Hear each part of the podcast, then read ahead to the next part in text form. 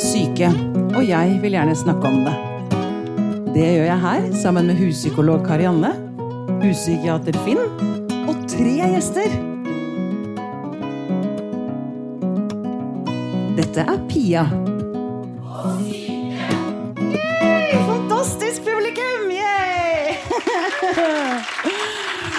Velkommen eh, til eh, episode nummer 100 live innspilt på Internasjonalen i Oslo.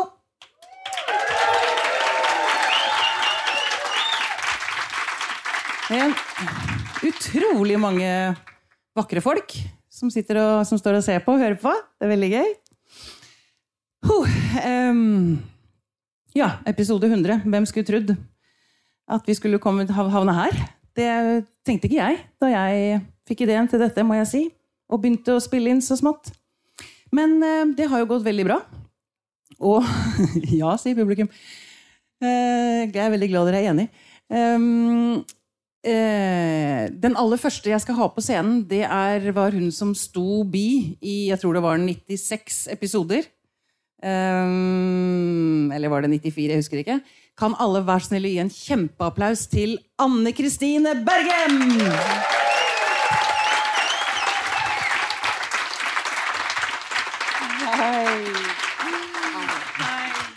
Hei. Åh, du fortjener så vanvittig den applausen der. Takk for det. Du, eh, nå har du blitt holdt på, si, holdt på å si student. Du tar doktorgrad. Ja, jeg prøver. Går det ikke så bra? Jo da. Må bare krangle litt. Og jeg vil jo ikke gjøre ting på vanlig måten, vet du, og det utfordrer jo et og annet system. Det, det kan jeg en del av. Mm. Men du, savner du oss? Veldig. Er det litt trist når vi legger ut episoder og det ikke er deg lenger? Ja, jeg kjenner at jeg blir litt i tvil om jeg liksom skal like det. Jeg syns jeg får mange likes av deg. Altså. Jeg, syns du er veldig raus der, egentlig. Ja da, jeg liker det jo. Jeg liker jo deg, Pia. Jeg gjør det. Men det sitter altså litt langt inne. Vet du, jeg kjenner veldig stort vemod hver gang jeg møter noen som sier 'Å, jeg har hatt deg med på tur i skogen så mange timer'. Og så tenker jeg 'Nå får jeg ikke være med på tur i skogen lenger'. Mm. Nei. Men eh, nok en gang, Anne Kristine. Jeg har sagt det mange ganger, men nå skal jeg si det enda en gang. Tusen, tusen takk for all den tiden, all den klokskapen, alle de gode rådene du kom med gjennom de hva det nå ble, 92? 94? Noen og nitti. Tusen takk. En kjempeapplaus en gang til til Anne Kristine.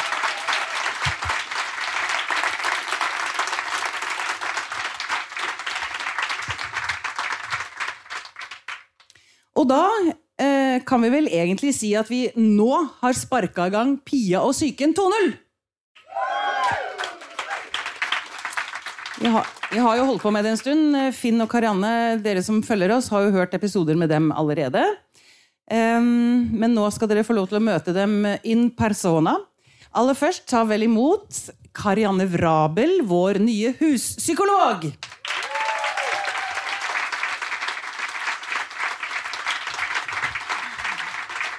Kan du sette deg hvor du vil, egentlig? Eh, Kanskje jeg skal ha fagfolka her nærmest meg. Det er trygt. Ja, gjør det. Eh, og så, ikke minst, vår fantastiske huspsykiater Finn Skårderud.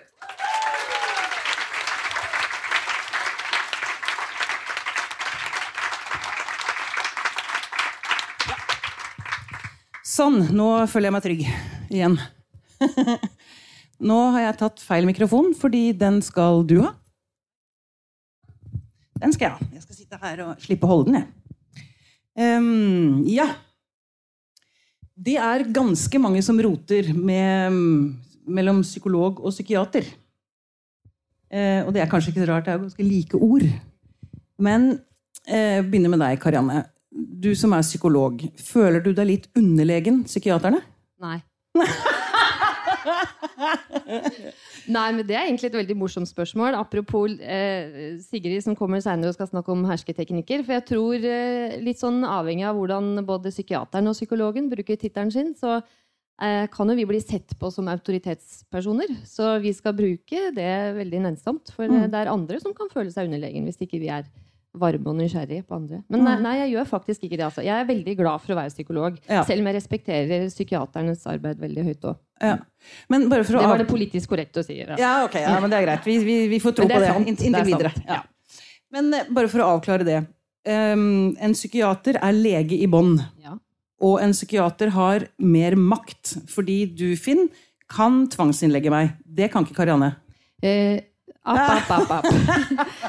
Psykologer har, kan også tvangsinnlegge, men eh, du må være spesialist, og du må ha hatt en viss Ah. utdanning og, og kurs og sånn for å gjøre det. Så det er ikke alle som kan gjøre det, men psykiateren kan alltid gjøre det. Alltid gjør det. Så, du, men, så begge dere kan tvangsinnlegge meg? Hvis du- Jeg kan ikke det, faktisk, så det er mer, for jeg har ikke den utdannelsen. Nei, Eller jeg har ikke den spesialiteten. Okay. Nei. nettopp. Men du kan, Finn. Finn kan. Jo, jeg kan vel, ja. Du har makta til det. Ja, men det står ikke bare på meg, tror jeg. Jeg tror du må være hakkende gæren for at det skal være mulig. Jo, jo. Ja. Ja, ja, ok. Akkurat den diskusjonen har jeg ikke tenkt å ta, om jeg fortjente å bli tvangsinnlagt. Hvor hakkende gal jeg var. Men jeg var kanskje det. Um, men um, psykologi og psykiatri eh, Samarbeider de to fagretningene, holdt jeg på å si, eller er dere i opposisjon? Slåss dere om hvem som er flinkest? Nå åpner jeg det opp for dere begge. Mm, ble de stille? Ja, hvis jeg begynner veldig sånn uh, saklig uh, Psykologi betyr læren om sinnet, psykiatri betyr læren om det syke sinnet. Uh, så det ene er på en måte en medisinsk praksis, det andre kan godt være en psykologi, handler jo om organisasjonspsykologi, om læringspsykologi osv. Jeg tror det er viktig å finne ut hvor man bor, f.eks. i Oslo, og hvilken tid man lever i.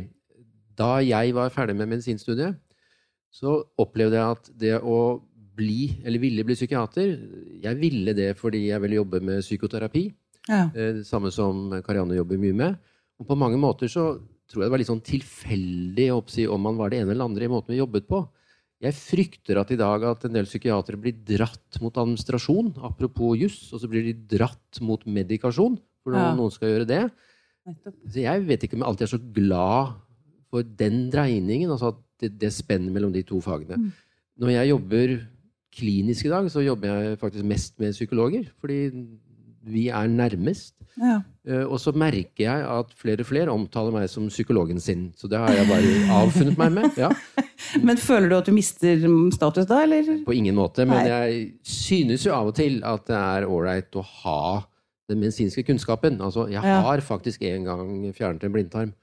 Eh, Jeg kan ta ut inngrodde tånegler.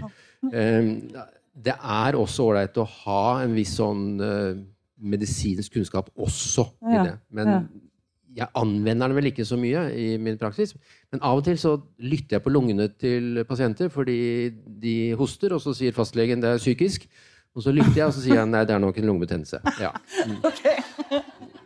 Så bra. Ja. Eh, Nei, jeg tenker De spørsmålene som for så vidt både psykologen og psykiaterne er opptatt av i dag, sånn, hva er atferd, hva er det som styrer oss, hva er drømmer, hva er, eh, hva er motivasjon, det Mm. er jo for så vidt eh, spørsmål og temaer som man har vært opptatt av helt siden antikkens tid. Jeg skulle til å si, for Ja. filosofien ligger vel over Ja. dere begge? på en eller annen måte? Ja, i hvert fall særlig psykologien. Da, for det, eh, de, de, det som skilte kanskje filosofien og psykologien på et tidspunkt, var mer det at på slutten av 1800-tallet da, så ble man mer opptatt av altså Spørsmålene var de samme, men var man mer opptatt av hvilke metoder man brukte for å finne ut av de spørsmålene. Man, man ønsket å gjøre det på en mer vitenskapelig måte. da. Mm.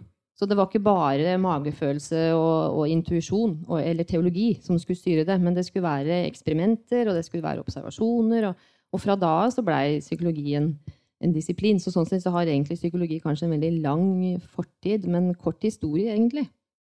Ja, Men psykiatrien kom seinere, Ja, den kom seinere. Den eh, eller? Altså læren om, om, om sykdommer, som, Ja, ikke som sier, om sjelens sykdommer, Mm. det kom vel litt seinere. Mm. Mm. Ja, Vi sier vel gjerne at psykiatrien er et par hundre år gammel.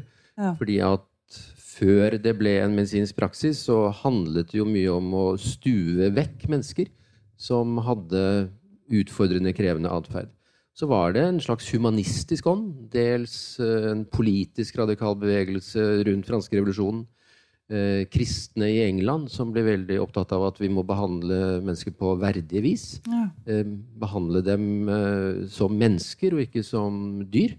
Og da kom også den medisinske kunnskapen inn. At ja, men dette er vel ikke bare dårlig atferd, dette er vel faktisk sykdommer på sinnet som gjør at du oppfører seg sånn. Det er ca. en par hundre år gammel tradisjon. Det som er interessant i et slags idéhistorisk perspektiv, er jo at man har kløvd dette vestlige mennesket for ca. 3000 år siden i kropp og sinn. Ja. Så det er vel så interessant at vi har et fag som heter psykiatri, og et som heter nevrologi. Altså man har delt mennesket i to. Eh, strengt tatt så burde vi sette sammen det mennesket igjen. Egentlig så Det er jo noe med at er ja. Ja. Eh, ja, for Vi var jo innom det i episoden med Petter Skjerven og kroppsspråk. Det er jo helt absurd at ikke kroppen har mer plass i psykologi-psykiatriutdanningene. Er det ikke det? Jo. jo. Jo. Kan dere, ut, kan, vær så snill, kan dere si noe mer om det? Ja, vi kan jo begynne med magefølelsen, f.eks. Ikke sant? Ja. Nei, Ja, ikke, at sett, ikke man ikke sett meg ut på dette, for at da blir vi holdende på lenge og vi ødelegger tida di. Men det er klart at uh, svært mye av det psykologiske, psykoterapeutiske faget som vi representerer, vi er jo veldig sånn minded og brainy. Mm. Uh, vi ignorerer altfor mye kropp, og det er nok historiske grunner til det. Kanskje har det med at kroppen har vært sånn uh, Den har vært trellen i historien. fordi at kropper de tenker vi mest på når de plager oss. Det er når vi har vondt at vi tenker på kroppen. Mm. Og når kroppen har det bra, så tenker vi ikke på kroppen, da tenker vi på sinnet og sjelen og naturen. Så på en måte så har den blitt en slags sånn eh, fattigskikkelse, og kristendommen har gjort kroppen veldig syndig. Ja. Den har vært et problem hele Ja. tiden. Men fordi jeg synes det er så absurd, fordi er det én ting jeg lærte på pilegrimsvandringen, som jeg har liksom dratt med meg videre, er jo Jeg merker det jo med en gang i kroppen hvis jeg reagerer på noen, eller hvis, altså, hvis, hvis føttene svetter, liksom, så vet jeg at det er noe gærent. da. Og det er jo en hel, helt utrolig viktig eh, jeg holdt på å si, termometer for sinnet. Altså, den, den sier jo den Og en ting til. Kroppen ljuger jo ikke. ikke sant? Hjernen din, tankene, kan ljuge ganske bra, men kroppen klarer ikke å ljuge. Nei, den sladrer ganske mye, faktisk. Ikke sant? Men eh, jeg syns det vi skal gi psykologien og psykiatrien, da, det er eh, at eh, de i de senere årene har blitt mye mer opptatt av følelser og affekter, og også gjennom det blitt litt mer opptatt av hvordan de kjennes ut i kroppen. Fordi vi kan vel kanskje skylde litt på Descartes og cogito ergo sum, som han sa. altså at det der Tankekraften var sett på som den ypperste form for erkjennelse. Mm. Eh, og sånn sett så har man liksom lenge tenkt at det er gjennom, gjennom tankene vi kan finne den, den ekte sannhet. Eh, og følelsene ble sett på som irrasjonelle og, og ubetydelige, og de, de, de ledet oss, var, var illusoriske. Men det har vi jo blitt mer opptatt av nå. De er Ja, vi er, vi, er, vi er ganske glad vi har følelser. ja, de er dypt meningsfulle og logiske, og det syns jeg vi skal gi psykologien og psykiatrien i de senere årene. Ja, veldig bra. Finn, har du, vil du føye til noe før vi Jeg ble bare litt opptatt av eh, pilegrimsturen din. Ja. Altså at um, En del gode filosofer de var jo vandrere. De gikk. Altså, De drev med tankegang, bokstavelig talt. eh, Kirkegård han eh, spaserte København rundt. Eh, og når han skrev inne på kontoret sitt, så trippet han med føttene. Han, han satt og trippet med føttene. Mens Karianne nevner Descartes, han som er kjent for den store kroppssjelsplittelsen. Han filosoferte stort sett sengeliggende. Han lå og skrev i senga. Så det ble en litt sånn kroppsfattig filosofi. Han ble så invitert ut på en ridetur i stockholmske skoger av den daværende dronningen, og da ble han forkjølt og døde. Ja. Ja, ok. sånn kan det gå. Det lønner seg å kjenne etter i kroppen, med andre Ja. Du, jeg må bare eh, Jeg har mista pennen min. Jeg savner den så fælt.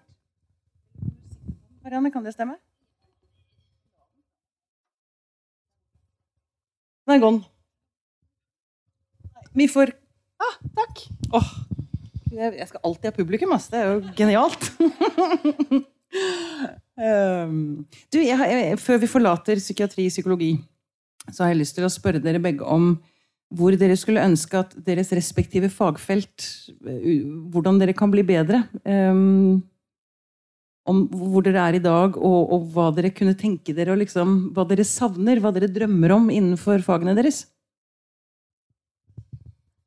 Vet du hva, da Kan jeg bare svare først? Ja, jeg svarer bare først. Eh, jeg, jeg tror eh, at vi nesten Altså, jeg tror eh, Det er for, ikke for å bevege seg vekk fra det relasjonelle på noen måte, for det kan det fort misforstås som, men jeg tror at vi kan nesten tenke at vi nærmer oss ikke bare science, men litt sånn science fiction, faktisk, som jeg syns egentlig er litt spennende. Fordi eh, vi, det jeg tror vi som jeg som terapeut trenger, er veldig, veldig, veldig tett veiledning. Det at noen nærmest mens terapien foregår, kan sitte og monitorere og observere meg, se hvordan jeg eh, utgjør terapien min, og gi meg tilbakemeldinger underveis. Mm. Eh, og ikke du snakka om kroppsspråk. altså Er det noe som sladrer, så er det i hvert fall ansiktsuttrykk og affektive uttrykk. Eh, og det at noen da kan lese meg og pasienten underveis og gi tilbakemelding på det, det Simultan, altså samtidig som du er der? Ja. Wow! Mm. Det er noen i USA der borte som har begynt litt å spekulere litt på det. Det tror jeg kommer veldig mye spennende og interessant kunnskap til oss om. Morsomt. For vi vet at terapeuten er veldig veldig viktig i terapi. da. Uavhengig av hvordan man jobber.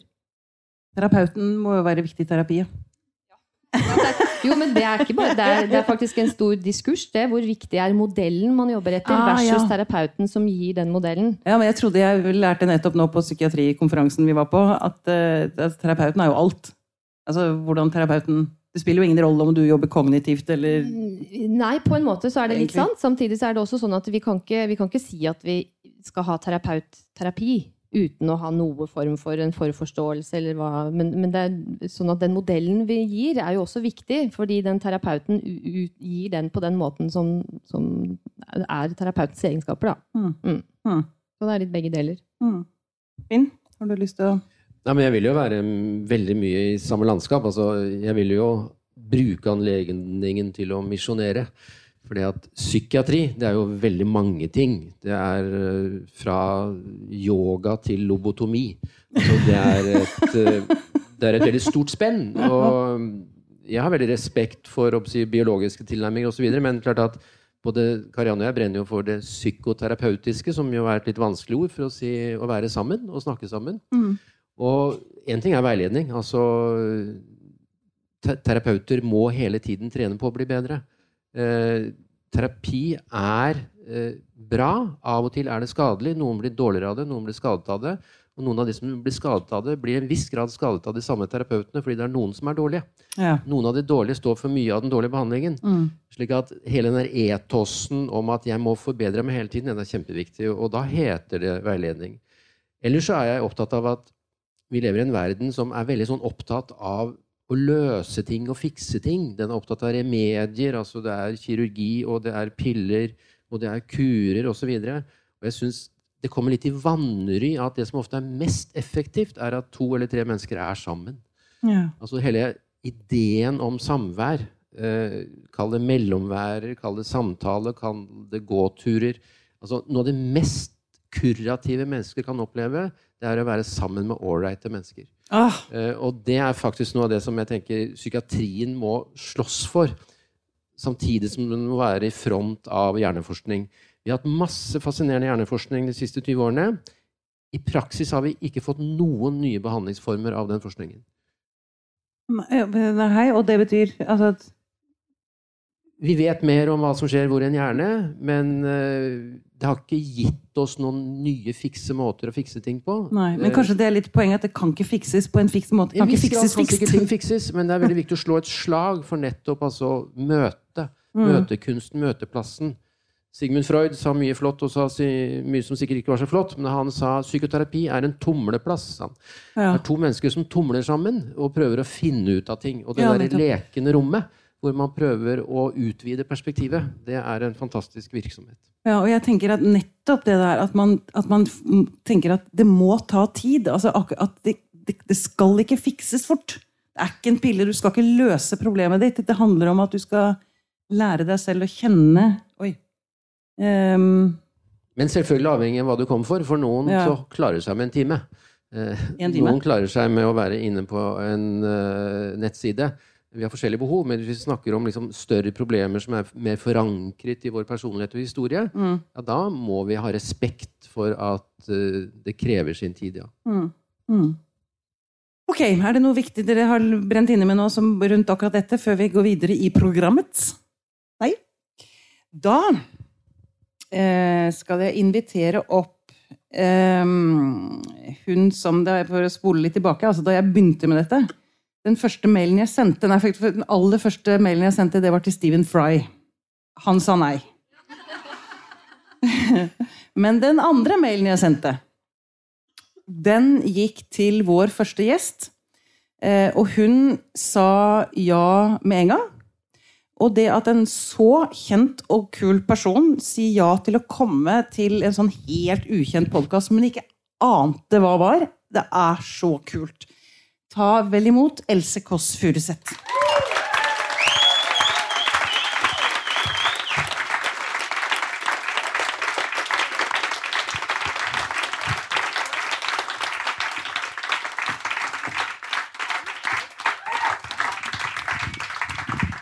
Det er fristende å legge seg ned når det er både psykiater og psykolog. Jeg vet!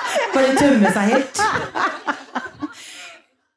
Ikke, ikke, ikke gjør det. Ikke gjør det. Nei. Nei, Det er jo også kjedelig. Det er du som får betalt for det, så da prøver jeg ikke å holde tilbake. Jeg får ikke betalt for noen ting. Gjør du ikke? Nei. Jobber gratis, jeg. Du, Else, velkommen hit. Tusen takk. Nå har det altså gått uh, Hvor lenge siden er det nå da du var hos oss? To år? To og et halvt år? Må det være Eh, sommeren? Du har ja. sendt ganske mange mailer, men uh, Jeg har ikke det. jo, du, sendte, du sendte noen intense mailer. Den gangen da, eller nå? Begge deler. Du Ja, ja. bruker jo ikke komma og- eller Du har jo bare små bokstaver.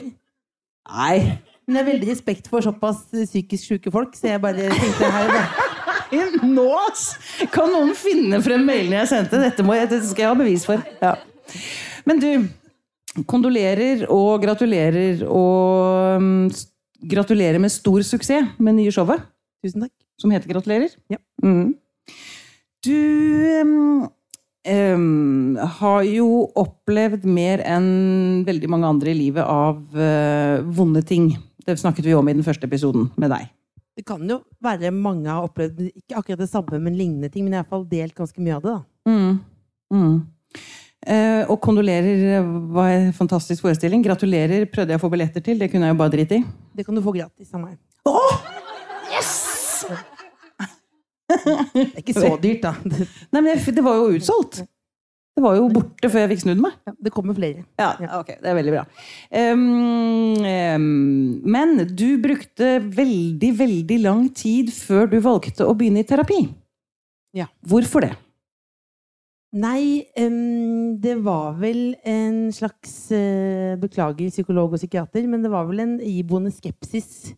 Til disse folka? Nja, ja, men jeg klarte ikke helt å skille på en måte hva heter det for noe hva som var problemet. Eh, om det var psyken, eller om det var på en måte behandlerne. på en måte da. Mm.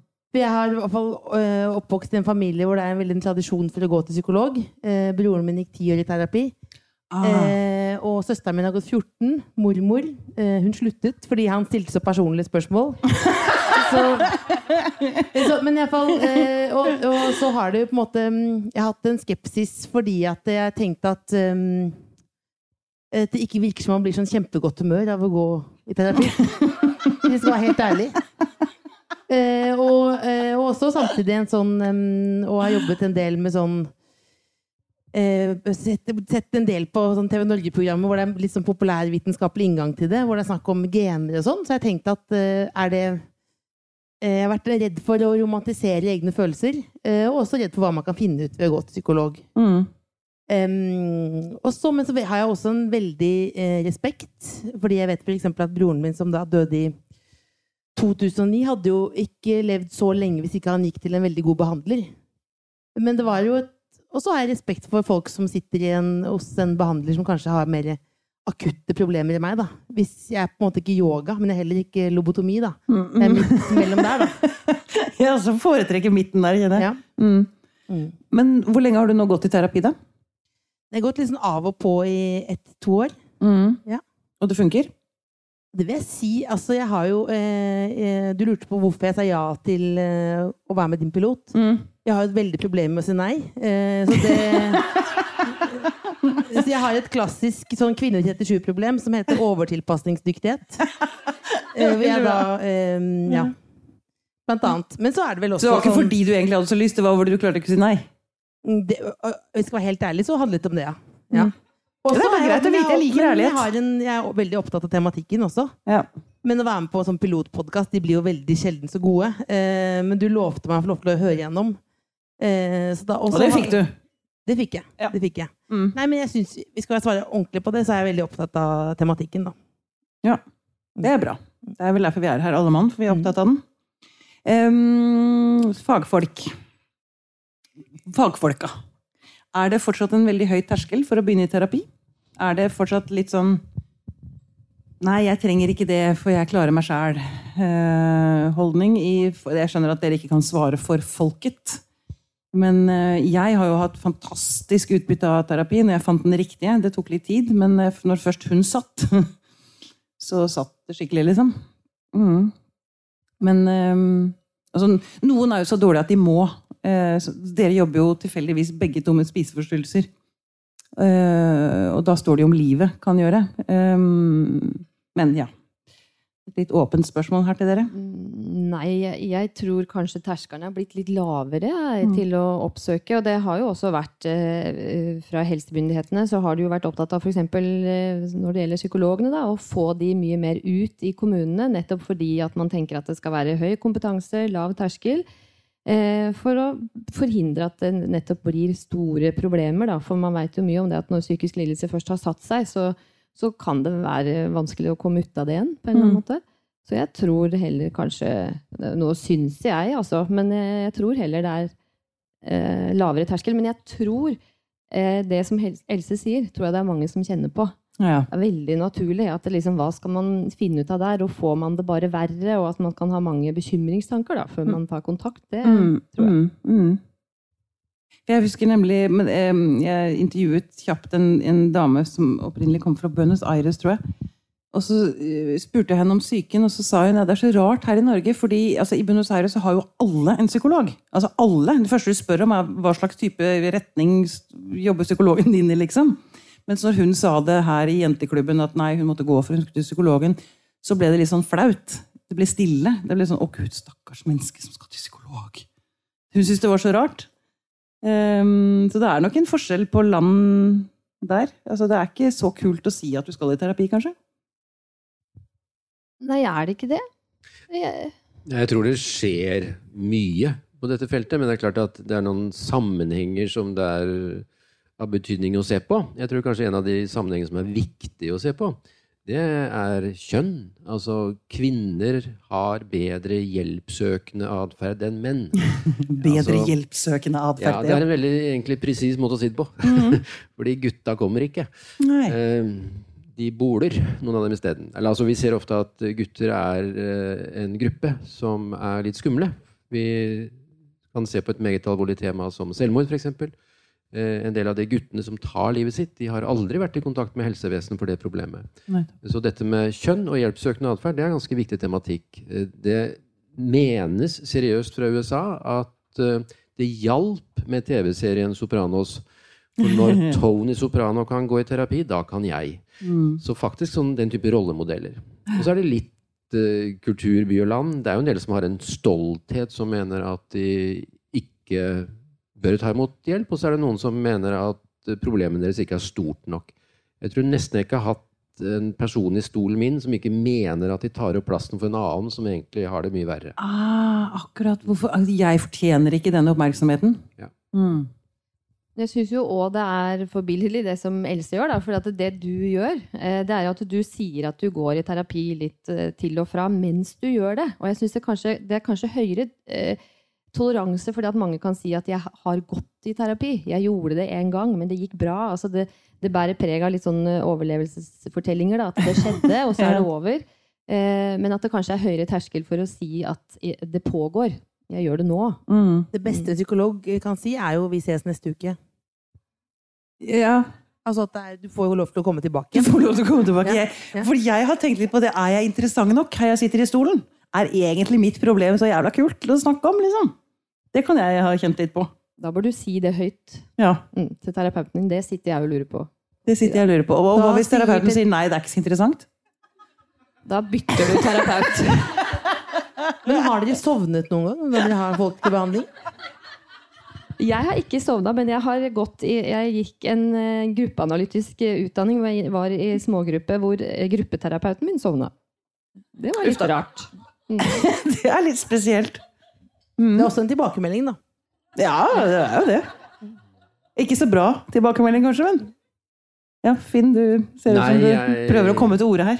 Nei, jeg har ikke sovnet. øh, men jeg har vært livredd for noen ganger. For jeg tenkte at Ja. det må jo være den verste avvisningen akkurat der og da.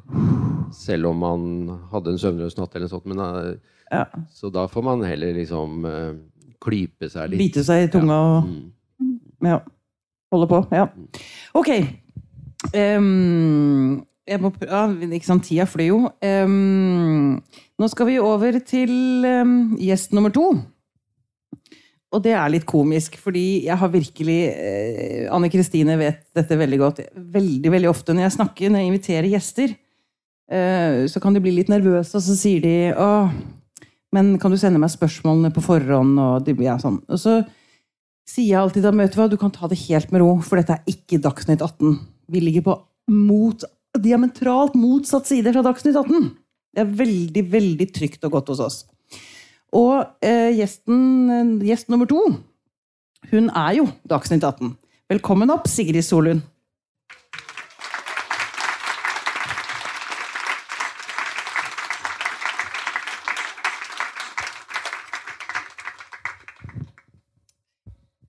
Em, du er jo nå, som jeg sa i teaseren, Norges beste på hersketeknikker. Tja, jeg vet ikke det. Nei, men du kan ganske mye om dem. Jeg er blitt flinkere til å kjenne dem igjen, i hvert fall. Ja. Du har nettopp kommet ut med bok om hersketeknikker. Den er veldig bra. Gratulerer med den. Tusen takk. Veldig spennende og veldig morsomt. Jeg hørte en podkast med deg fra biblioteket i Bergen. Hvor du spilte noen klipp fra Dagsnytt 18 med eklatante eks eksempler på hersketeknikker. Det er bare å velge og vrake, egentlig. Ja, det er det, for du har opplevd ganske mye av det. Ja, altså I studio, tenker du på? Mm. Ja, Og så kan du jo si hvor, hvor, disse, hvor, hvor strenge man kan være på de grensene. fordi tradisjonelt så har jo ikke hersketeknikker vært Sånn som Berit Aas definerte det i sin tid, ville jo ikke sagt at det var hersketeknikker når det drives mellom to mennesker som er veldig på samme nivå. Liksom bare at, at, og hvor går grensen mellom debatteknikk og hersketeknikk og sånn. Mm. Men det er jo noe med at eh, heldigvis kan vi si, så er det ikke så mange eksempler jeg kan vise fra diverse styrerom og soverom og korridorer. Sånn at eh, jeg er nesten nødt til å ty til det som har vært i offentlig debatt, for Ja. å synliggjøre hva som skjer. da. Ja, ja. Men det er Ja. Ehm, jeg, må bare, jeg må ta dette mens jeg husker det, fordi ehm, i teaseren så snakket vi også om Eller jeg lurte på om du kunne utsette meg for en hersketeknikk. Og så ble vi enige om at Eller du kunne ikke det. du- Jeg syns du var veldig dårlig på å bruke hersketeknikker, må jeg bare si. Men du skulle pønske ut en som du skulle Ja, dette har vært litt vondt for meg. Jeg skulle jo gjøre det mot Else, eller Elise, som jeg hadde tenkt å kalle deg. Og, Den er og snakke litt om hvor morsom jeg syns Sigrid Bonde Tusvik er. Og sånn, men, eh, Det er veldig vant til å høre, faktisk. men nå har jeg avslørt meg, så nå blir det ikke noe mer. Det var det alt du Det var hadde? alt jeg hadde! Det er dårlig hersketeknikk. Men, det, men er det ikke noe Men er det ikke den klassiske Er det ikke noe med sånn å, å ta på den andre mens Jo, du debatterer? Ja, det er den Kristin Halvorsen-versjonen. Mm. Hun- hun gjør det? Tar på? overfor Carl I. Hagen. Hun tar på Carl I. Hagen. Ja, ja, sånn, litt sånn Ja, hun gjorde jo det. det. Eller sånn litt moderlig sånn. Ja, nei, men da sier vi det sånn, da. Eller, Ja, for den er, eller- den er mer ubehagelig, det merker jeg med en gang. Den er Ubehagelig eller behagelig? Den er jo blanding av ubehagelig og behagelig, på en måte. Ja. Mm. Ja. Men hva er, den, hva er den verste, hva er den mest ubehagelige hersketeknikken man Eller kan, man, kan vi dele det opp i bolker, altså type hersketeknikker? Eller? Ja, altså, jeg vider jo ut begrepet litt, kan du si, fra sånn som det har vært. Berit Aas, som jeg nevnte, definerte jo da fem som var usynliggjøring og latterliggjøring og tilbakeholdelse av informasjon og påføring av skyld og skam og dobbeltstraff, altså at det er feil uansett hva du gjør. Mm. Og så tror jeg at mm, for de aller fleste så tror jeg det som kanskje går mest sånn til kjernen av, eh, av selvfølelsen, er nok den usynliggjøringen og latterliggjøringen som er veldig vanskelig å eh, forsvare seg mot. Fordi Ja. du, du, du føler deg så utrolig liten. Og, og hvis du blir usynliggjort, så er det jo vanskelig da, da krever det så mye av deg å på en måte gjøre deg sjøl synlig for de andre. Og hvis du blir latterliggjort, så har du bare lyst til å gjemme deg bort. Du har i hvert fall ikke lyst til å eh, rope hva som skjer. fordi at du, i hvert fall hvis det treffer, da. Det er jo ikke alltid det treffer, og da har du ikke så mye å si. Men hvis det treffer, så, så, får du, så, så føler du at det, at, at det er et eller annet, gir en resonans i deg som gjør at du får lyst til å gjemme deg, mer enn at du får lyst til å liksom Hei, hei, hei, hva er det som skjer her nå? Latterliggjør du meg? Det er, ikke, det er jo ikke den naturlige responsen for de aller fleste av oss, i hvert fall. Nei, nettopp. Um, um, altså en ting er Jeg blir veldig redd for å si disse tingene når de to sitter Er du redd for å bli tatt Jeg på sitter og nikker og nikker. og nikker. Jeg ser sånn bort på dem helt Er det riktig det jeg sier nå, eller? ja, Er det riktig? Kan vi få dommen fra Nei, fagfolkene? men jeg, synes, jeg, jeg hadde veldig stor glede av å lese boka di. Jeg må si det. Men, og det som du skrev, og som er flere steder der, som jeg tror er kjempeviktig, er fordi den, de hersketeknikkene får jo aldri større makt enn det mottakeren tillater de å gi. Så for å prøve å unngå å bli utsatt for hersketeknikker, så er det vel veldig viktig å prøve å være så venn med seg sjøl som man bare kan. Ja. Altså at man prøver å kjenne seg sjøl så godt man bare kan. da. Ja, for du kan ikke få noen til å skamme seg hvis ikke man Nei. kjenner skam. Nei, eller, som, eller er sårbar, eller kan kjenne seg Mm. verdi, litt verdiløs, eller kjenne seg litt igjen i det. da. Men kan ikke hersketeknikker være litt positivt også?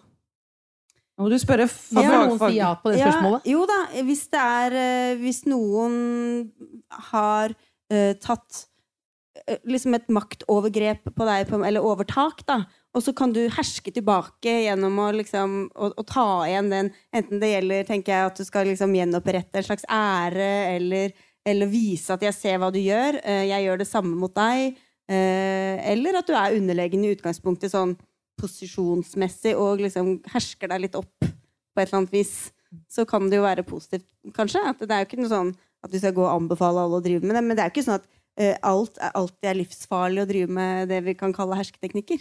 For vi gjør det, alle, det, det sier at vi gjør det jo alle sammen i Ja, større eller noen mindre ganger er det kjempeskadelig, og andre ganger er det ikke så farlig. Nei, ikke sant. Nettopp. Men hvis du Eh. kaller meg Elise, så kan jeg kalle deg Siri, på en måte. Ikke Tilbake. sant? Ja. Ja, ja. Det er en fin måte å ta Det er, igjen. en- det er en veldig sånn eh, en, et, et, et altså. lite stikk, ikke sant? Ja. Veldig bra. Eh, Men jeg har lyst til å gå litt um, eh, Altså, én ting er hersketeknikker som vi ser i, i studio og sånn, men eh, er det én gruppe mennesker som vel tak, nei, kan hersketeknikkene, så er det jo disse som er i det mørke triangelet. Narsissisme, psykopati, makivalisme Maki... Ja, jeg klarer det ikke. Em, Finn, eh, er du Ser du det? Tenker du det? Er det, er det riktig det jeg sier her? Altså, hersketeknikker er en, er en ekstrem altså, ja, Det er en måte å holde folk nede på, da. Og Ja, nå er vi inne på et veldig alvorlig tema, og mm, jeg har lyst til å gå en liten, sånn liten omvei. Gjør det. Uh, og av og til så trenger jeg selv å forstå meg selv litt og hjelpe meg selv litt, og da har jeg liksom laget et ord som heter vikarierende raseri. Og det vil si at av og til så er jeg så forbanna for at folk ikke er forbanna. Ah, Fordi at du ser hvordan, hvis vi da snakker rett fram, da, hvordan f.eks. en psykopatisk atferd eh, klarer å få andre til å bli forvirret, f.eks. ja. De blir så usikre at de tenker at det er de det er noe galt med, istedenfor at det er noen andre som gjør noe med dem. Altså De tror det er de som er i problemet. Mm. Så bare det å tenke å være sint på en annen, det har de ikke rett til. Så de er på en måte spilt ut. Da kan man bli så frustrert over at folk eh, ikke ser dette. Så da blir man, sitter man der og hopper. Jeg sa til en pasient av meg en gang, hun ble veldig fornærmet, og jeg støtter henne. Um, broren fikk kreft, og så sier jeg, er ikke det fint, da? sa jeg da. Um, fordi han hadde misbrukt henne i mange, mange år.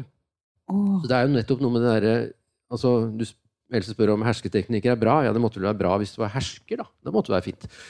Hvis du skal styre, for det er maktteknikker. Men nå snakker vi om når makten flytter inn i private rom, i kollegiale rom, når det flytter inn i familien. Mm. Eh, Og da er det jo sånn at en del mennesker, for å holde seg selv oppe, så må de holde andre nede. Ja, Det er hele måten de fungerer på. ikke Vi ser jo en del menn, blant annet. De går i oppløsning når barna bryter med dem, når eh, verneombudet kommer, og når kona flytter fra dem. Så går de knas, for hele liksom, psykologien deres er bygd på at andre er nede. Og da De har de ofte en utrolig evne til å både komme med det dårlige og det gode i uforutsigbar rekkefølge.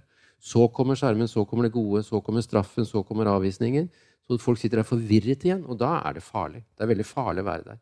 Vi sier jo av og til 'kom deg vekk'. Det er rådet vi Ja, vi, hvis du, er, ikke sant? hvis du, er, tror at du er i nærheten av en psykopat, så det er eneste For du kan ikke forsvare dem. Du kan Det høres veldig ikke firkantet ut å si det, men klart at sånn som Karianne og jeg, vi sitter jo med veldig få psykopater. Vi sitter jo med ekskonene deres ja. og barna deres. Så det er klart at Vårt perspektiv blir jo at vi ser hvor farlig dette kan være. Det kan være Mm. livsutleggende. Blant annet at du skammer deg for at andre er skamløse. Det er feil folk som skammer seg, faktisk. Mm.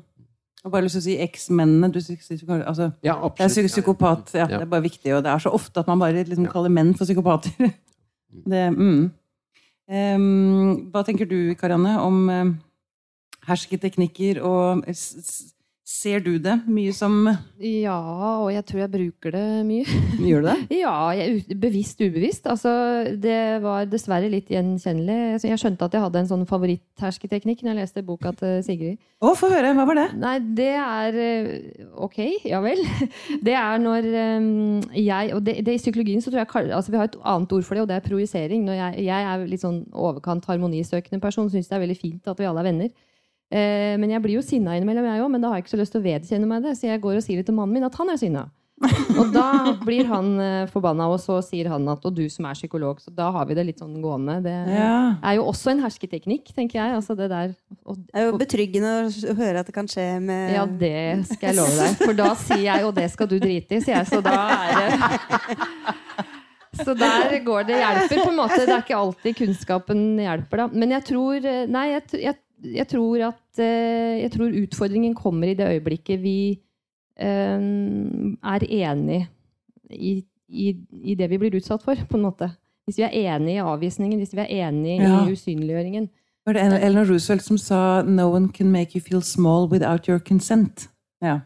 Men da er det jo litt sånn Finn sier at det er noen, og det gjelder jo både i, i, i liksom studio og i hjemme, at noen er veldig flinke til å finne alle andres svake punkter hele tiden. Og Mm. så liksom pirke på dem. Og de aller fleste har jo et eller annet svakt punkt. Og for noen så kan, hvis du gjør det da systematisk, ikke sant, som du kan gjøre i en relasjon hjemme, som ikke du gjør i, på Stortinget, liksom, så er det kan det jo være kjempeskadelig. Mm. Har du en favoritt-hersketeknikk, eller Else? Mm. Jeg har hersketeknikk. Ja, bruker Ikke du, som jeg har bruker du det? oversikt over, nei. Nei? Jo da. jo da. Eh, Det er jo eh, Konfliktskyhet eh, er jo på en måte en svakhet, men det er jo også en hersketeknikk. Ja. Du bruker det jo liksom til altså at du fraskriver deg alt ansvar, da, og Ja. legger det på egen personlighet. Nettopp. Er ikke det en hersketeknikk? Ja, du må spørre for Alt er hersketeknikk nå. Ja, men, er det ikke det, på en måte? At du, på en måte ja, men du sier sånn 'Jeg beklager, jeg er så konfliktsky'. Ja, jeg jeg kan ikke snakke. Nå Mm. ringte noen Jeg skulle egentlig vært på en annen greie i dag også samtidig. Det er typisk. Ja. Så sier jeg det er konfliktskyhet, men det er jo også latskap, da. Er dette, nå er jeg begynt med terapitime, jeg. Søren, ass. Dette skjer hver gang jeg ser deg. Det er veldig bra. Du skulle til å si noe, Sigrid, eller? Um, jo, nei, men det er jo litt sånn grenser til sånn, de som alltid spiller på andres samvittighet. Altså liksom sånn, nei, men det er jeg, jeg er alltid ikke, Jeg tror ikke du er det. Jo da, det stemmer det. Ja. Det er alltid synd på meg. Sier jo ikke det rett ut, men det liksom bare ligger mellom linjene på et vis. da. Åh, nå fikk jeg lyst til å gå hjem. Nei, bli, bli, bli! Har du en favoritt-hersketeknikk, Sigrid? Som du bruker som programleder? Eh, som programleder Mm. Da er det vel egentlig bare på at man er en god programleder, er det ikke det? Hvis man er god på estetikk. Det må være litt nøye på, da. For hvis ikke du har vært god på det, så kunne du ikke ledet Dagsnytt Ja, men jeg er ikke god på hersketeknikker. Teknikker. Det var veldig vanskelige ord, ass. I hvert fall ikke bevisst. Nei, men så har jeg, er jeg veldig hersketeknisk. Er jeg Jeg, sier, jeg sier ikke mer. hersketeknisk? Jeg sier ikke mer. Nei, men, men, er det, men er det ikke sånn at du må jo kunne Hvis ikke du kan liksom eh, overstyre de i studio er det, det er vel Nei, selvfølgelig. Eh, når, er liksom, når er det det på en måte er sykelig, og når er det på en måte bare er drivende dyktig? det, som er, det som vi gjør, men ikke sant, skal vi kalle det hersketeknikk eller ikke, men det er jo litt sånn å sette folk inn, og det prøver jeg å vise også at det er litt gjennomgående for når disse teknikkene ofte blir brukt, er jo at folk føler seg plassert inn i en virkelighet de ikke kjenner seg hjemme i det hele tatt. Ja. Og det kan vi jo gjøre i studio. At vi liksom tvinger folk til å være i, en, i et dilemma eller en problemstilling som ikke de er, de er ikke med på premissene, men likevel så må de på en måte fordi at de må være med på det, fordi Hvis ikke de svarer på det spørsmålet, så kan vi si ja, men svar på spørsmålet. Men spørsmålet er kanskje helt riv ruskende galt ut fra den personen som sitter her og skal svare på det spørsmålet sitt ståsted. Det blir sånn der, Har du sluttet å slå din kone? Ja, kone? Nettopp. Mm. Kan jeg stille et tabloid spørsmål? Nei. Nei vel. Er, det, er, eh, er menn bedre på hersketeknikker enn damer? Nei, jeg tror ikke det. Men jeg tror, og så skal vi ikke liksom generalisere for mye, men at det kan være litt, eh, litt ulike eh, måter det kommer til uttrykk på. For eksempel, eh, som jeg føler er ganske sånn betent å si, men eh, da, noen damer som tyr veldig til tårene hvis det er konflikter. På, I en arbeidsplass, eller hvor som helst, egentlig. Det kan man jo ikke styre. Nei, det kan du ikke styre, men det, det stopper veldig for den, for den uh, debatten eller den, den, det, det som man prøver å ta. Og det, hvis en mann gjorde det samme, tror jeg det ville sett veldig rart ut. Altså, det hadde vi bare syntes var så snålt, liksom, at det hadde ikke fungert. Og, og, jeg tror, og, og jeg tror veldig få gjør det bevisst, men kanskje innerst inne Altså, jeg har gjort det hjemme mot barna mine. Begynt å gråte for å vise dem hvor fæle jeg syns de er. Og så innerst inne så tenker jeg sånn Nå kan de se hva de gjør med mamma. Nå kan de ha det så godt. De er fem år, liksom. Det er helt forferdelig. Men aldri i studio. Nei, ikke i studio. Nei, det, hvor lenge kan jeg bli der? Hvis jeg gang på gang begynner å gråte i studio for å Jeg gjør det. Det hadde vært veldig gøy om du gråt i Dagsnytt 18 en gang. Du, Finn, har du en favoritt-hersketeknikk? Bruker du dem, eller er du, er du deg bevisst? Nei, jeg føler meg litt hjelpeløs, men det er kanskje at når man snakker om hersketeknikker, så snakker man vel egentlig om noe som mer eller mindre tydelig handler om makt. Altså debatt av makt, politikk av makt, og så er det av og til maktrelasjoner. Jeg sitter jo og tenker på at noe av det som kunne bli kalt hersketeknikker i noen sammenhenger, eh, for de spiller andre ut, de setter andre ut, for noen er jo simpelthen overlevelsesstrategier òg. Altså folk gjør jo mye bare for å komme seg gjennom ting. Ja. Altså jeg merker at jeg er litt Altså jeg har stor glede av boka til Sigrid, men jeg merker at jeg, jeg tenker ikke så mye på det i daglige. Eh, Jeg er kanskje vel så mye opptatt av liksom hva folk finner på for å overleve, og de gjør så mange dumme ting. men på et eller annet nivå så er det noe av det forståelig. Altså Det er den Ja. strategien man har. Ja, for Eh, hersketeknikk- Ja, for at hersketeknikk, da er det et eller annet man skal oppnå. Andre Ja. ganger så tror jeg folk har mer nok med å overleve. Komme seg gjennom dagen. Jo, men å Ja. skjule, det er vel også noe man har lyst til å skjule en hersketeknikk kan jo brukes for å skjule skam, for eksempel, ikke sant? Absolutt. Ikke sant? At, at man prøver å fremstå som mye kulere og bedre enn man faktisk er. Absolutt. Og det kan være en, en forsvarsstrategi. Ikke sant? At du går inn på en fest og later som du ikke kjenner igjen noen, eh, og som andre opplever deg som overlegen, og egentlig er du bare kjempeusikker, og du liksom bare skal være den som ligger i forkant med å drive med, med usynliggjøringen av andre. Så det er jo ikke sånn Så det er jeg jo litt sånn opptatt av også, at vi ikke skal tolke hverandre i verste mening hele tiden. Vi er ikke onde fordi vi bruker herske, Nei, i hvert fall ikke alle. Nei. Noen. Vi har vi. Hvem er den ondeste politikeren? Jeg skal si til deg etterpå. Ah, det er dårlig gjort. Ok, da um, skal vi få opp den siste gjesten. Og det er eh, en fyr som Det var vel han som fikk meg til å gråte aller mest i fjor. Aldri, det er lenge siden jeg har grått så mye som jeg gjorde av ham, holdt jeg på å si. Takket være ham. Um, han spilte i sesong tre av Skam. Og han spilte Even. Velkommen opp, Henrik Holm.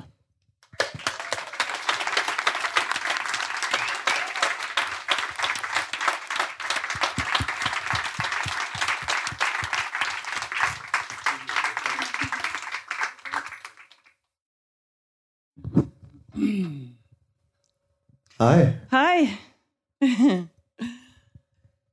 Du. Du, ass. Nei, men den eh, jeg må bare, jeg må, jeg må bare, Vi må bare snakke litt grann om akkurat den der sesong tre og deg og Isak, ass. For det var Det eh.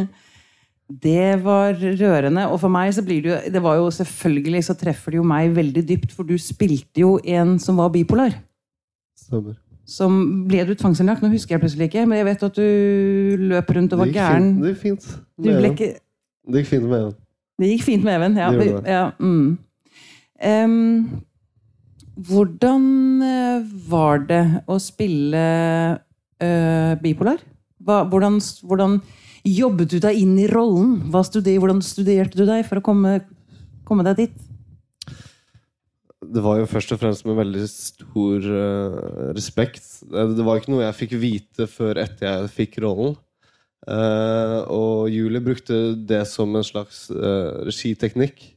At hun sa det bare som en hemmelighet. Eh, så mange av karakterene hadde en hemmelighet som ingen av de andre karakterene visste. da Og da dere begynte å spille inn, så visste dere hver for dere hva dere Ja. hva hemmeligheten var, men ingen av de andre visste? Ja, så for Ah. eksempel eh, Isak visste jo helt siden første sesong at han var homofil. Um, og det er jo ikke noe eh, veldig mange legger merke til, men jeg tror det er noe hun vil legge inn, sånn at kanskje uh, man spiller uh, underliggende på det. da Ja. At det kanskje er noe hint til det, men at det ikke er helt åpenbart. Og, og det funker jo fordi vi fikk manuset litt og litt. Så det var jo rett etter jeg fikk rollen at Julie kom til meg og hvisket i øret mitt Even er bipolar.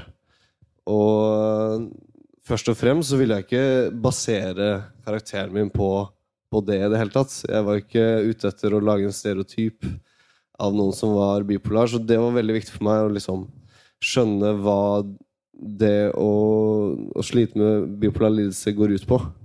Um, hvordan det er, hva det gjør med psyken din og kroppen din. Um, også lese og se på intervjuer av folk som, uh, ha, som er bipolar, sånn som uh, Michael Persbrandt. Han snakker veldig mye om lidelsen og hvordan han uh, takler det. Mm. Men det var, det var ikke bare det å, å, å prøve å være han. Det var jo det å se for seg hvordan jeg hadde hatt det hvis jeg hadde slitt med bipolar lidelse. Sette meg i de skoene og prøve å lage den karakteren. da. Ja. Du, jeg- vi laget en teaser her for noen timer siden som jeg la ut. Eh, og da stilte jeg deg følgende spørsmål. Hva tror du er mest krevende? Å være superstjerne, dritpen, homofil eller bipolar? Og da svarte jeg eh, alt er relativt. ja. Jeg Du svarte tror- veldig diplomatisk og pent på den. Nei, men jeg bruker det hele tiden, fordi eh, det er liksom sånn uansett eh, Alle har sine problemer, eh, Mm. og man kan ikke sammenligne de problemene heller. Så Nei. det handler bare om hvordan man takler det. Mm, men jeg tenker litt av poenget med å stille spørsmål er at jeg vet jo selvfølgelig hvordan det er å, være, å ha en bipolar lidelse. Jeg vet jo ikke hvordan det er å være superstjerne.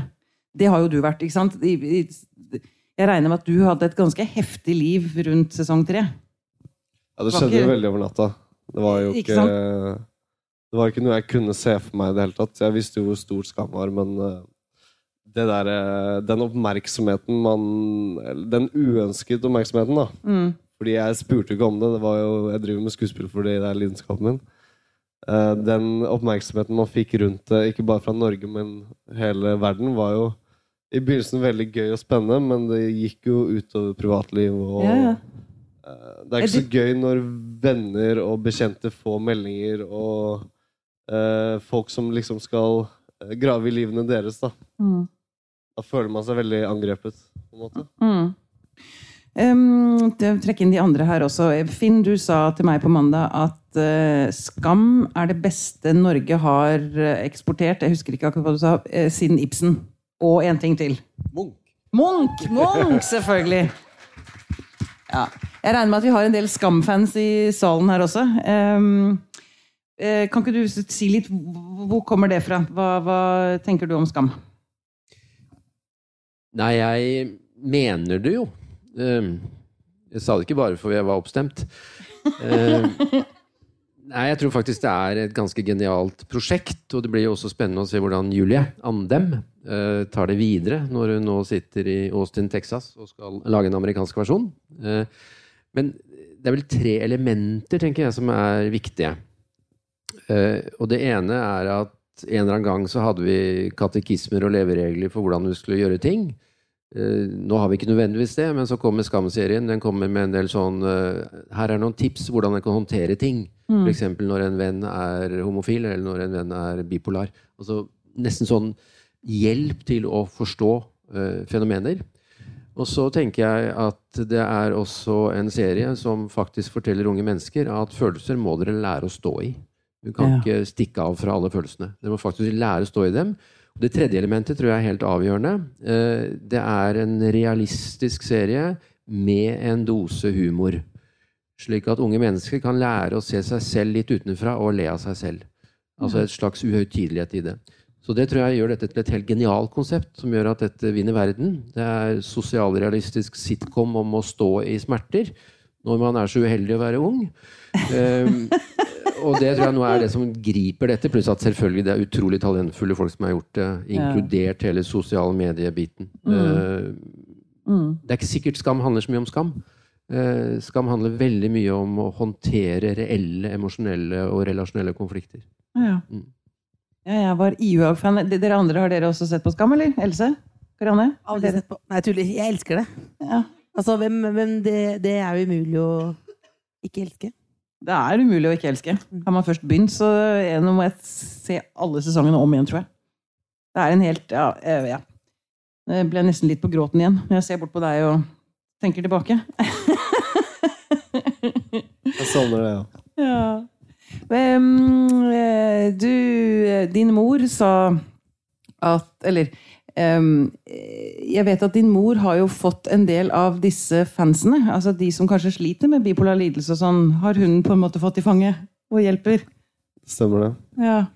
Det betyr jo at altså, Dere traff jo noe veldig, veldig sterkt. Altså, altså for meg.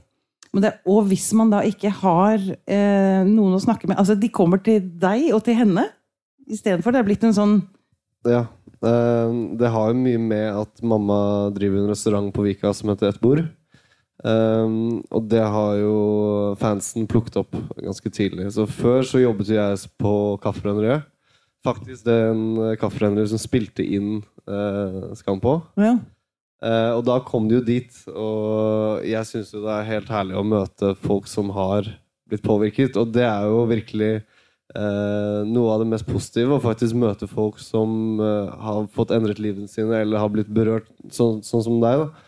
Ehm, men den der hysteriske siden av det er jo ikke så gøy når Nei. man står på jobb og liksom Kundene kommer ikke frem, og det blir jo, det blir jo sånn helt Norske sånn? unorske tilstander.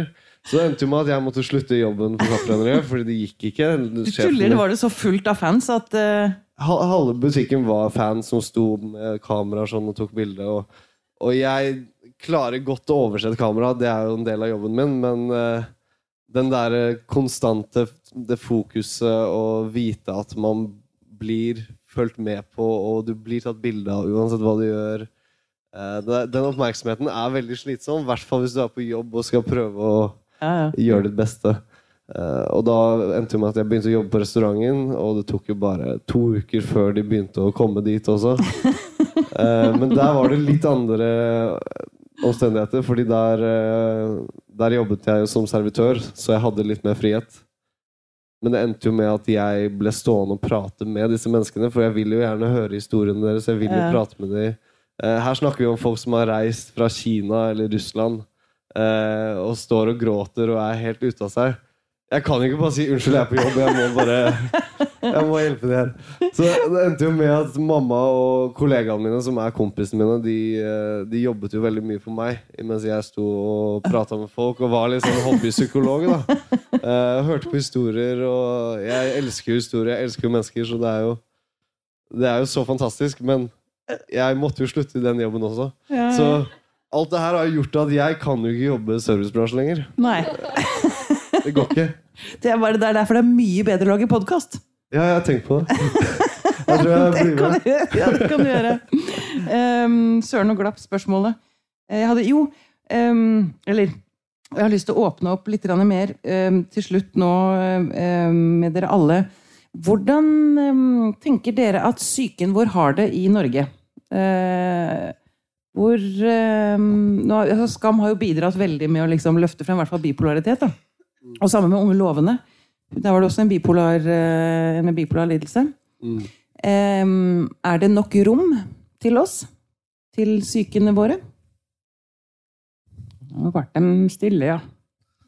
Følte, jeg ventet på at noen fagfolk skulle snakke først. Ja, nettopp. Eh, jeg tenker at eh, det er blitt litt i, hvert fall sånn, I sånne sammenhenger nå så er det blitt litt populært å si at det får my veldig mye plass. Eh, i hvert fall jeg har fått høre det at nå er det, liksom, skal, er det ikke nok snakk om det nå.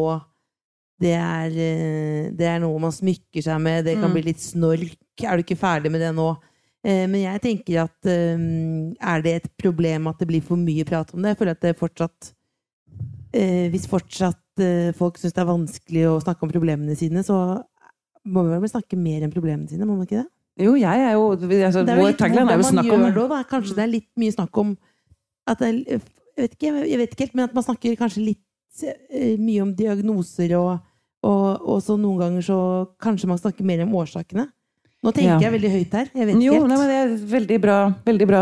Karianne? Ja, jeg jeg er veldig enig i det. For jeg, tenker, jeg tror også det er måten vi snakker om det på. For kanskje særlig ungdomsgenerasjonen kan nok kanskje eh, ha litt kjapt til å ty til ord som at jeg har angst, eller jeg har en depresjon, og jeg har en spiseforstyrrelse, og så er det som om alt er sagt.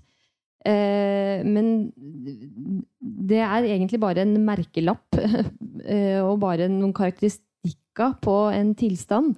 Og så er det kanskje ikke verken angst eller depresjon de har, men det er livet som svinger, da. Det er eh, det, det, det, Livet slår oss. Vi mister noen. Vi kan eh, ha dager som er dårlige. Altså at vi kan kanskje ha litt høyere terskel for å snakke om hvordan vi har det, og hvordan, eh, at livet kan være vanskelig, uten at vi tyr til diagnosebegrepene. Fordi eh, det kan bli selvoppfyllende profetier av det. Altså Språk er definisjonsmakt. Og, så har jeg bare lyst til å komme med et lite poeng i forhold til det som også Skam syns jeg kan ha gjort da på en god måte. Det er at eh, man kan få en fornemmelse i dag av at kanskje veldig mange, særlig jentegenerasjonen, vil veldig gjerne være eh, Norar fra Ibsen. Lerkefugler. Eh, som går inn i buret og kaster nøkkelen og blir der. eh, Med bloggvirksomhet, reklamer, Instagram, sosiale medier. Så syns jeg nettopp de karakterene som de har skapt i den serien, er utrolig gode karakterer. Veldig sterke eh, jenteskikkelser. Og de gjør det, og gutteskikkelser, og de gjør det på en måte uten å bli moralistiske. Ja. Og det er en litt sånn delikat balansegang. Eh, så det syns jeg òg var eh, veldig bra. Mm. Det må jeg bare si er eh, bevisst fra Julie sin side. At eh, hun ville ikke lage en serie som var Jeg vil ikke snakke for mye på hennes vegne, men jeg tror ikke hun vil lage en serie hvor hun fortalte ungdommen hva som var rett, rett eller galt. Jeg tror hun vil bare vise hvordan hun tror ungdommen har det, og så får folk tenke det de vil. Um, men med tanke på spørsmålet om hvordan vi oppfører oss eh, med psyken i Norge, er jo veldig relatert til hvordan vi nordmenn oppfører oss mot hverandre også. Ehm, hvordan vi snakker eller åpner oss for hverandre, er jo veldig viktig. Ja. Og jeg tror det blir mer og mer av det, at man ikke er tørr Nei, at man tør å faktisk Ja, åpne men seg. opplever du det, det er kanskje sånn blant yngre, for jeg opplever det ikke så veldig egentlig i min generasjon, at det har vært, vært veldig åpne med hverandre. Nei, vi er Det er kanskje åpnere dere. Jeg tror generelt nordmenn er ganske lukkede mennesker. Jeg også opplever det. Og det er jo derfor det er vanskelig å liksom trå ut av de normene at man ikke skal snakke om problemene sine. Det er noe du skal eh, Det skal du ordne på egen hånd. Det er ikke noe du skal bry andre. Ja, Og så har du ikke lov egentlig til å være utafor. Du skal være Alle per skal alltid perfect, føle seg liksom. bra. Mm. Og det er jo også et resultat av de sosiale mediene vi lever oss un vi, vi fører oss under i dag. At eh, en, en hverdag skal være så perfekt, og man skal ha det så bra, og man skal dele alt man har. Um, det er jo ikke alltid riktig, det. Eh, det er ikke alltid riktig det man fremstiller heller. Mm. Um, så det, ærlighet er jo det første steget til å faktisk kunne snakke og åpne om ting. Og det er jo det som er fint med film og TV, at man kan bruke den ærlige, det ærlige redskapet. Det er kult å sitte og se på seg selv egentlig på skjermen. Nei, det er det verste med jobben. Ja, nå tenkte jeg faktisk overført. Eller at man, man får liksom et, Dette å se på TV-serier er veldig lurt, fordi du får bearbeidet dine egne følelser ved å se på andre som spiller, spiller deg Nemlig. ut. Og det er jo det er derfor vi mennesker syns historier er så spennende. Fordi vi lærer gjennom historier. Vi lærer hvordan vi skal oppføre oss, vi lærer hvordan man skal eh, være med andre. Ja, og dette vet jeg Finn er veldig, veldig enig i. Du må- si mer enn å nikke. Ja, unnskyld, nå avbrøt jeg kanskje. Nei, eh, vi er inne i jeg håper å si, bilder, film, medier, for den saks skyld kunst, litteratur osv. At ja, en måte å kanskje å definere psykisk smerte på, er at det er noe formløst i oss eh, som trenger å finne en form. For da kan vi på en måte forholde oss til det. Og da er det jo ganske fantastisk at andre kommer med en form. Ikke Og så kan vi si Oi, denne kjenner jeg igjen. Eller her er noen satt språk til. Her er noen laget et bilde av. Her er noen satt i scene en TV-serie som på en måte jeg kan lene meg mot. Det fins en stor skikkelse eh, når det gjelder nettopp eh, psykisk helse, som heter Elisabeth Wurtzel, som skrev 'Prosec Nation' for 25 år siden. Eh, og Elisabeth Wurtzel sa i et intervju i Aftenposten i fjor at hun fikk tusenvis av henvendelser eh, fra folk som sa at 'jeg kjenner meg igjen i deg', og deres historier hadde ingenting med meg å gjøre, sier hun. Altså, Det var ikke det at det var så likt, men det var det at de følte at her hadde noen gitt uttrykk til noe. Og det er jo nettopp den store kvaliteten ved å kunne gi form. Én måte å gjøre det på er at eh, to eller tre mennesker sitter i terapeutiske rom og prøver å skape et språk sammen. En annen ting er å bruke litteratur, bruke TV-serier, bruke jeg, det som allerede finnes der. Altså lene seg mot, om det er til trøst eller lindring eller pedagogikk. Altså, det er fantastisk at vi lager former. Komme seg i form, bokstavelig talt. Ja. Mm. Ja, det er, morsomt, det er morsomt du sier, fordi det er jo en av de mest overraskende opplevelsene jeg har hatt, og det har jo skjedd flere ganger, er jo mennesker som har uh, forstått diagnosen sin ved å se på Skam. Mm, At de har innsett at oi, det er faktisk det jeg sliter med. Og mm, det var jeg ikke klar over at var mulig engang når jeg spilte den rollen.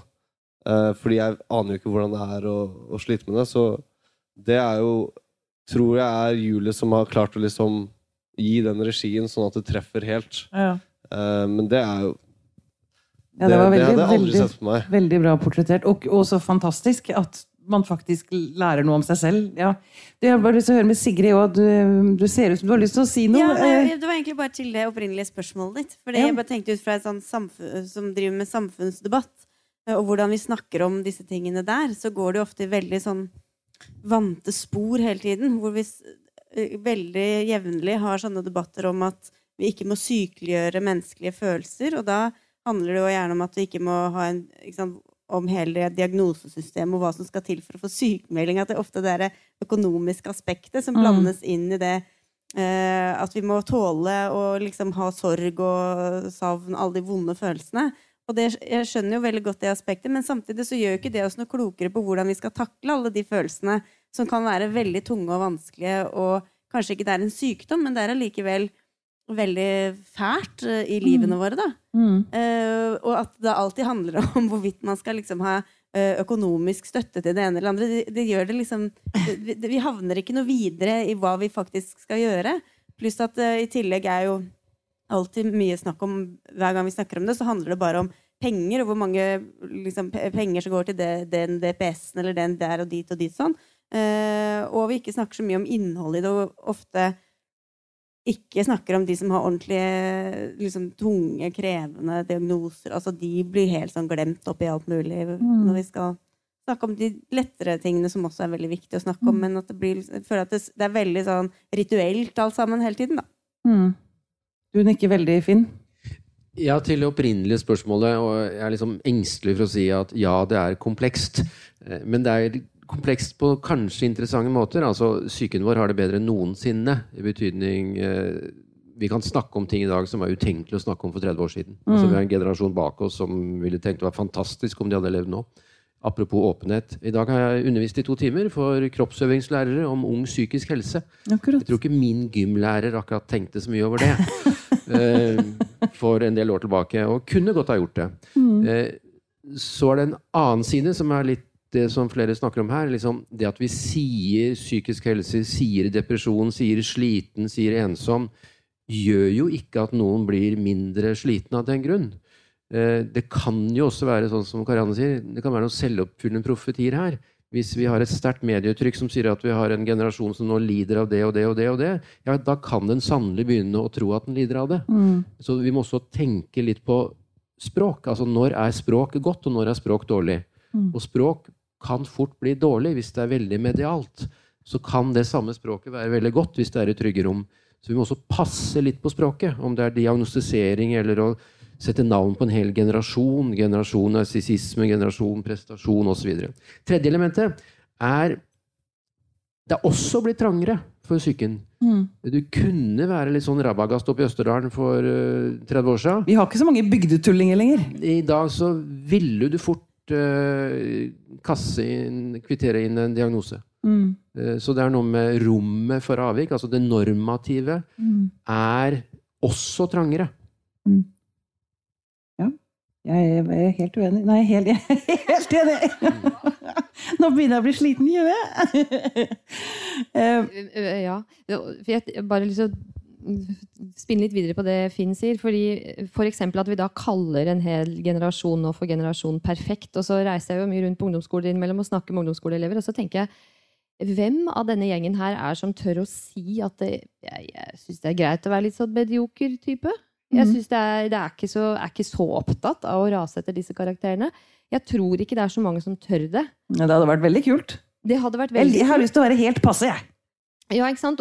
Men, det, men det, jeg tror det blir veldig vanskelig da, når vi kaller de generasjon perfekt. Mm. Og det er vel kanskje ikke, det vet jeg Anne Kristine har vært opptatt av, det er vel kanskje ikke de som er generasjon perfekt, men det er noe med hvem- er vi, foreldregenerasjonen. Som skaper den generasjonen. ja, så Vi Mm. kan jo fort tenke at det kan bli en vanekriminell hvis ikke vi gir de nøstebarn ulltøy fra de er små. Altså det, ja, men det er, vi har veldig mange klare forventninger om hvordan vi tenker at det skal være. Så det er jo, eh, Vi har satt en diagnose på ungdomsgenerasjonen, men hvem er egentlig vi? Ja, nettopp.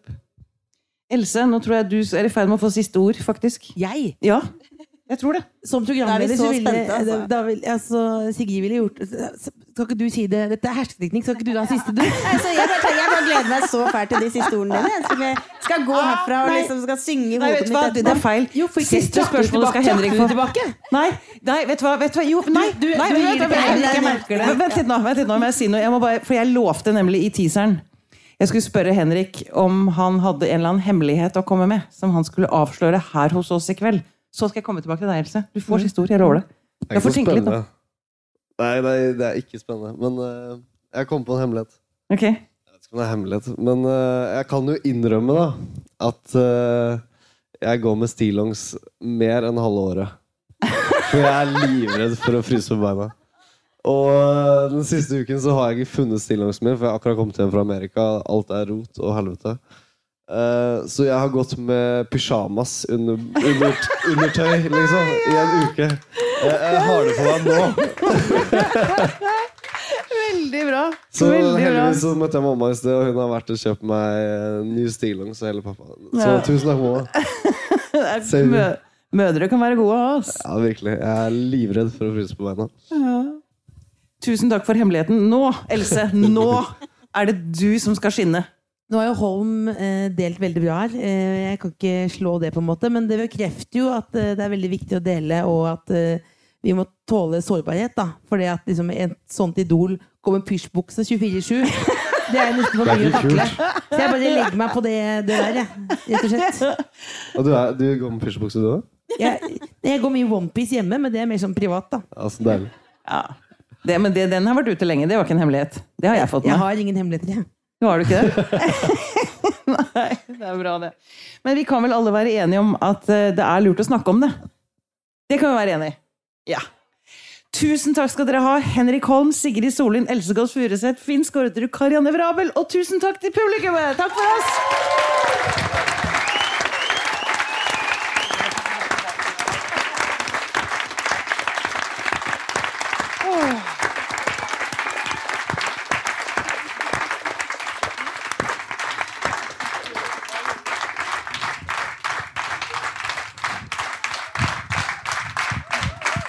Skulle jeg gjerne tatt et bilde herfra.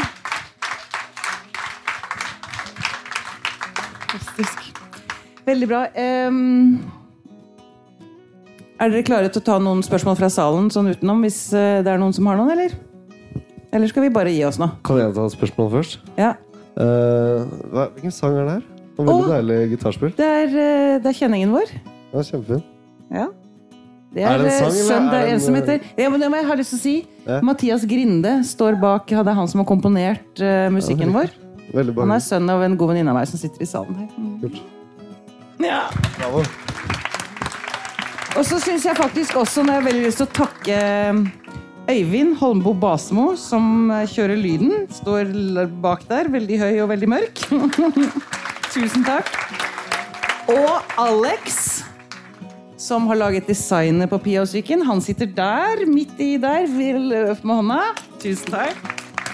Ah, og nå er det sikkert folk jeg glemmer. Nei, jeg tror jeg har fått takket de fleste nå. Um, ja. Eh, Jeg tror jeg bare sier takk, jeg nå. Jeg tror ikke jeg har mer å si, jeg nå. Jeg tror jeg skal drikke øl nå. Denne podkasten er produsert av Tid og Lyst.